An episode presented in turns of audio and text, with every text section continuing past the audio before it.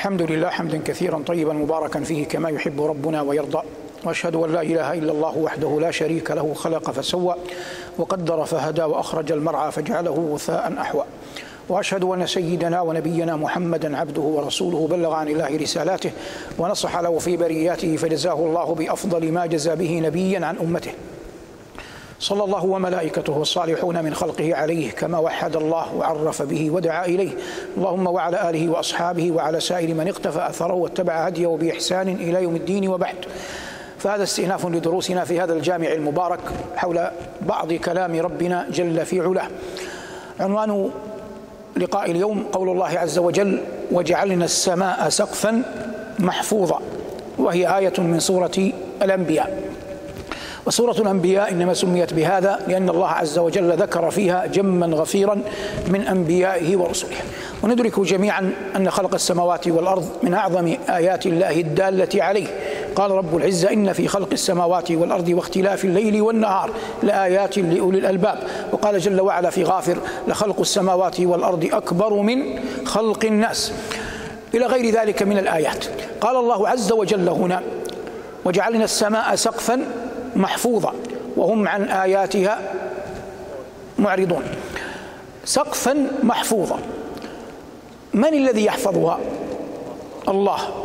قال الله عز وجل في سورة في آية الكرسي ولا يؤوده حفظهما. ما معنى محفوظة؟ محفوظة أولا محفوظة أن تزال. قال الله في كتابه إن الله يمسك السماوات والأرض أن تزولا محفوظة من أن يكون فيها فطور. قال الله تعالى فارجع البصر هل ترى من فطور؟ محفوظة أن يكون فيها تشقق وتصدع. قال رب العزة أفلم ينظروا إلى السماء فوقهم كيف بنيناها وزيناها وما لها من من فروج؟ محفوظة أن تسقط على أهل الأرض. قال جل وعلا ولقد خلقنا فوقكم سبع طرائق وما كنا عن الخلق غافلين. قال بعض أهل التفسير المعنى لو كنا غافلين لسقطت عليكم وأهلكتكم. هذه كم؟ أربعة. محفوظة عن الشياطين. قال الله عز وجل وحفظناها من كل شيطان رجيم. فهذه آيات تدل على حفظ الله عز وجل للسماء. وأما قول الله عز وجل وجعلنا السماء سقفا فهي سقف لماذا؟ سقف على على الأرض، سقف على الأرض. لكن قول ربنا جل وعلا محفوظه لا يعني أنها لا يأذن الله لشيء ما أن يمر عبرها بقرينة أن الله جعل لها أبوابا فالله عز وجل أخبر أن للسماء أبوابا وثمة أحاديث كثيرة تثبت هذا لكن لو نظرنا إلى السماء من وجه والأرض من وجه آخر فنجد أن الله أذن في الأرض أن يعصى قدرا. فالمعاصي التي تقع في الأرض أذن الله عز وجل بوقوعها قدرا. لكنه جل وعلا لم يأذن لأحد أن يعصيه في السماء. اللهم إلا ما كان من معصية إبليس ثم أهبط إلى ثم أهبط إلى الأرض. لكننا نرى كذلك من حيث شريعة محمد صلى الله عليه وسلم أن لها تعلق في بعض العبادات بالسماء وأعظم ذلك الصلاة والأدلة على ذلك ثلاثة. الأول منها أن الله عز وجل شرع لنبينا صلى الله عليه وسلم الصلوات الخمس وهو في وهو في السماء في رحلة الإسراء والمعراج. وهذا بإجماع الأمة. والأمر الآخر أن النبي صلى الله عليه وسلم كان يحافظ على أربع صلوات بعد الزوال قبل أن يصلي الظهر والمعنى ما بين أذان الظهر والإقامة حتى لو أخرت الإقامة لأن صلاة وقت كل أحد بالنسبة لصلاته هو معنى أن لو أن إنسانا لم يدرك صلاة الجماعة وأصبحت الساعة الواحدة والنصف ظهرا وهي مثلا ها هنا في المنطقة الشرقية متأخرة كثيرة. فصلى أربعا ركعتين ركعتين فيدخل في الحديث ثم صلى الظهر أربعا. فالنبي صلى الله عليه وسلم لما كان يحافظ على هذه الأربع قبل أن يصلي فريضة الظهر بعد دخول وقت الظهر سئل عنها قال إنها ساعة تفتح فيها أبواب السماء فأحب أن يصعد لي فيها عمل صالح. إنها ساعة تفتح فيها أبواب السماء فأحب أن يصعد لي فيها عمل صالح. الأمر الآخر أنه صلى الله عليه وسلم كما عند مسلم في الصحيح من حديث ابن عمر سمع رجلا يقول في دعاء الاستفتاح الحمد لله كثيرا الله أكبر كبيرا والحمد لله كثيرا وسبحان الله بكرة وأصيلا. هذه قالها ذلك الصحابي بعد تكبيرة الإحرام. قبل أن يشرع في قراءة الفاتحة. وكأنه جهر بصوته. قال الله أكبر كبيرا والحمد لله كثيرا وسبحان الله بكرة وأصيلا. فقال النبي صلى الله عليه وسلم بعدها عجبت لها فتحت لها فتحت لها أبواب السماء. قال ابن عمر رضي الله تعالى عنه وعن أبيه قال فما تركتها بعد أن سمعت النبي صلى الله عليه وسلم يقول ذلك عنها. فهذا من تعلق أبواب السماء ببعض العبادات وهي عبادة الصلاة على وجه على وجه الخصوص. جعل الله عز وجل كما سيأتي تفصيلا للسماء خزنة وهم الملائكة عليهم السلام. لكن كلمة سقف كما قلنا هي سقف لمن للأرض وجعلنا السماء سقفا محفوظا. ثم قال رب العزة وهم عن آياتها آيات ماذا؟ آيات السماء لأن ثمة آيات منثورة في الأرض وثمة آيات منثورة في في السماء. وأعظم آيات السماء الشمس والقمر والنجوم. الشمس والقمر والنجوم. هذه آيات السماء الدالة على عظيم خلق قدرته جل وعلا. بديع صنعته. والشمس والقمر والنجوم تحدثنا عنها كثيرا في دروس قد سلفت وأيام قد خلت. قال عليه الصلاة والسلام إن الشمس والقمر آيتان من آيات الله لا يخسفان لموت أحد ولا لحياته. فقوله عليه الصلاة والسلام آيات من إيه من آيات الله هنا أضافها لمن خلقها. الله عز وجل وهم عن آياتها أضاف الله عز وجل للموضع الذي هي فيه للموضع الذي هي فيه. وقال ربنا إن ربكم الله الذي خلق السماوات والأرض في ستة أيام ثم استوى على العرش يغشي الليل النهار يطلبه حثيثا والشمس والقمر والنجوم مسخرات بأمره. ألا له الخلق والأمر تبارك الله رب رب العالمين. أما مفردة سقف من حيث العموم فلو سئلتم ما أشرف وأطهر بنيان مبني في الأرض؟ الكعبة. والكعبة لها ميزاب.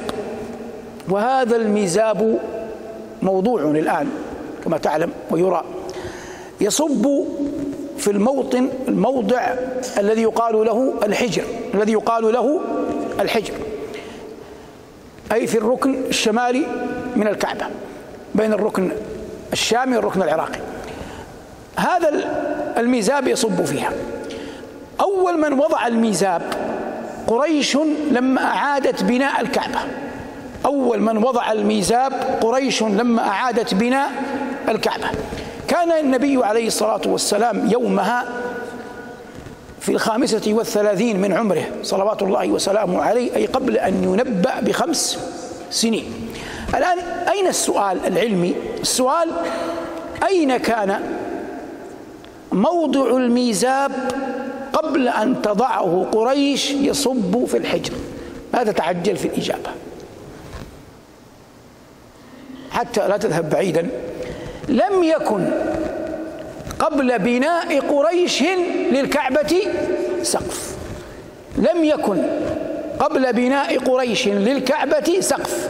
أي أن خليل الله عليه السلام إبراهيم وهو الذي رفع القواعد من البيت لم يجعل للبيت سقفا وإنما حتى البناء الذي بناه خليل الله إبراهيم جعل الحجارة منضودة جعل الحجارة منضودة. ما الذي وصفه الله عز وجل من الثمار بأنه نضيد؟ أخوان النخل. ما معنى نضيد؟ كلنا يرى الرطب في النخل. الرطب بعضه فوق بعض. لا يوجد شيء ما بين واحدة وأخرى. لا يوجد شيء يلزق بعضهما ببعض. فمثلا الآن البناء الذي يبنونه الناس الآن يجعلون ما بين الحجر والحجر واللبنة واللبنة يجعلون ميلاطا الميلاط ما يجعل الحجر الواحدة تلتصق بال بالأخرى. وهذا منتفي في الرطب. منتفي كذلك في الموز. الموز يأتي هكذا بعضه متلاصق في بعض من غير شيء. ولهذا الله عز وجل وصف الرطب ووصف الموز بوصف واحد بوصف واحد. قال الله عز وجل وأصحاب اليمين ما أصحاب اليمين في سدر مخضود وطلح منضود. طلح منضود ما معنى منضود؟ يعني بعضه بجوار بعض لا يوجد شيء يلصق بعضه ببعض. وقال جل وعلا عن الرطب نضيد. أي مثله مثل مثل الموز خليل الله إبراهيم لما بنى الكعبة لم يجعل ما بين الحجر والحجر شيء يلتصق به مع أن بناء الجنة يوجد. قال عليه الصلاة والسلام عن الجنة لبنة من فضة لبنة من ذهب ولبنة من فضة ملاطها المسك الأذفر ما معنى ملاطها؟ ما يجعل اللبنة تلتصق به باللبنة ما يكون بين اللبنة واللبنة. مما يستعمل الآن أشياء معينة لكن هذا درس علمي لا يقال فيه ما يقوله العامة ولا الكلمات المبتذلة. المقصود لكن الأمر واضح بالنسبة إليك لا يحتاج إلى تفصيل. المقصود خليل الله عز وجل لم يجعل للكعبة سقفا بقي هذا على بقي الأمر على ذلك الحال. حتى ورثت قريش البيت عن تاريخ عربي. عن جيب قريبا الاسم بس مو قضاعة قضاعة غير. عن خزاعة. أخذته عن ماذا؟ عن خزاعة في زمن من؟ في زمن قصي بن كلاب الجد الخامس لنبينا صلى الله عليه وسلم. ثم لما جاء في زمن النبو في زمن حياته صلى الله عليه وسلم قبل أن ينبى كما بينا أعادت قريش بناء البيت. فأعادوه وغيروا أمرين. الأمر الأول زيادة والأمر الثاني نقصان. الزائد في بنائهم أنهم زادوا السقف ولم يكن للكعبة سقف. والنقصان غير الحجر. الحجر أحسنتم الحجر صحيح لكني لم أقصد الحجر نية يعني. الباب كان لها بابان. وفي قريش أنفة. وإلا الله يقول فكذب به قومك. نسأل الله العافية. كان فيهم أنفة. فهد الباب الذي أغلقته قريش مقابل للباب الموجود الآن من الجهة الأخرى مقابله تماما. فبنوا أحد البابين يعني أغلقوه وجعلوا لها بابا واحدا وكان الباب ملتصقا بالأرض لكنهم رفعوه حتى يدخلوا من؟ من شاءوا حتى يدخلوا من؟ من شاء. وقد قال هذا النبي صلى الله عليه وسلم لعائشة لولا أن قومك حديث عهد بكفر لهدمت الكعبة وجعلت لها بابين. وأخبرها أن قومها جعلوا لها بابا واحدا حتى يدخلوا من يعني كانه يضيق عليهم حراسة بابين فجعلوها بابا واحدا. والله يقول في القرآن لإيلاف قريش. المقصود من هذا ليس ذم قريش وقد مدحهم الله منهم نبينا صلى الله عليه وسلم. لكن المقصود كم كيف كانت في قريش من الأنفة. جعلوا لها سقف جعلوا الميزاب على الحجر.